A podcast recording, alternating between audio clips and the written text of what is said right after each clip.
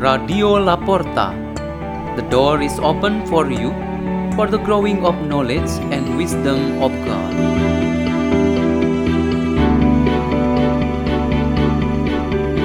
By Ryan Koordi from the Church of St. John Bosco, Jakarta, Indonesia.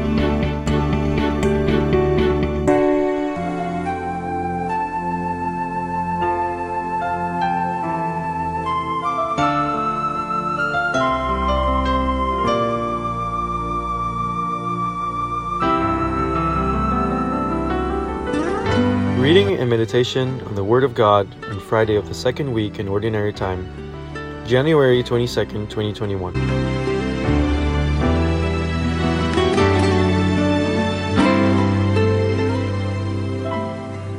The reading is taken from the Holy Gospel according to Mark, chapter 3, verse 13 to 19. Jesus went up the mountain and summoned those whom he wanted, and they came to him. He appointed twelve, whom he also named apostles, that they might be with him, and he might send them forth to preach, and to have authority to drive out demons. He appointed twelve Simon, whom he named Peter, James, son of Zebedee, and John, the brother of James, whom he named Boanerges, that is, sons of thunder, Andrew, Philip, Bartholomew, Matthew, Thomas, James the son of Alphaeus, that is, Simon the Canaan, and Judas Iscariot, who betrayed him. The Gospel of the Lord.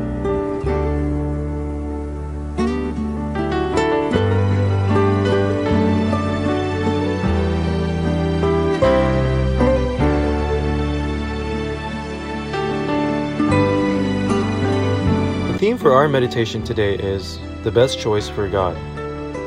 There are so many elected persons who fully dedicate their lives to the mission entrusted to them by the Lord. According to the letter to the Hebrews, God had made a big choice, namely to establish a new covenant in order to complete or perfect the old one, which is proved incomplete. Jesus Christ, our great high priest, was evidently present to mark the beginning of a new covenant. Jesus Christ had made certain important choices meant to continue his work in the world, and in particular, he acted directly on the election of his twelve apostles. His power and sacred will were the main conditions for doing these choices. If he had ever used some human motivations or intentions of this world, the choices made should be only in favor of favoritism, political or social power, discrimination, and hostility. God's choice is the best one because it follows the standard of holiness and perfection. His words addressed to the chosen people. It is just like a young man says directly his intention to the girl he loves so much I love you. And then all his attention goes to her. The words received work in such manner to convey a response, namely a definite answer of the chosen people to God's invitation and appointment. A choice will lose its beauty and meaning if it is not stated directly to the person or persons intended.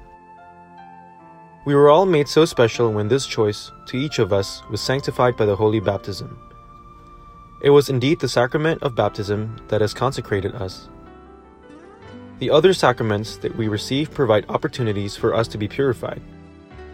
We are indeed purified repeatedly through the sacraments of Eucharist and reconciliation, and also through our acts of love. These are the means through which God truly anoints and purifies us. God's choice is the best choice because those elected are filled with wisdom and power to uphold justice, truth, and goodness. On this basis, every one of us is joined by Jesus Christ in his mission of making the kingdom continue to stand and work.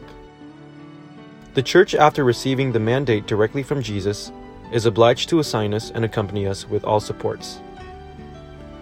When they anointed as persons elected, the apostles of Jesus were made qualified with all gifts of the Spirit, mostly needed for their missions. There was none of those gifts for doing violence or evil acts. We, the followers of Christ, are joined in this mission to be the peacemakers and the apostles of happiness.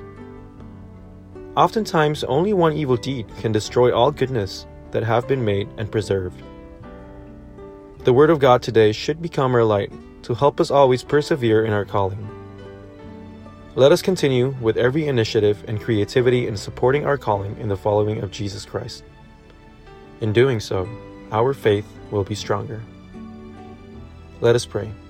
In the name of the Father, and of the Son, and of the Holy Spirit, amen.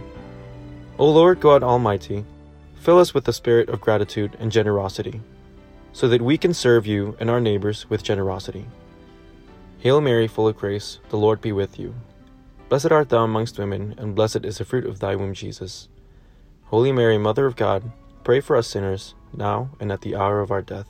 Amen. In the name of the Father, and of the Son, and of the Holy Spirit. Amen. Radio La Porta.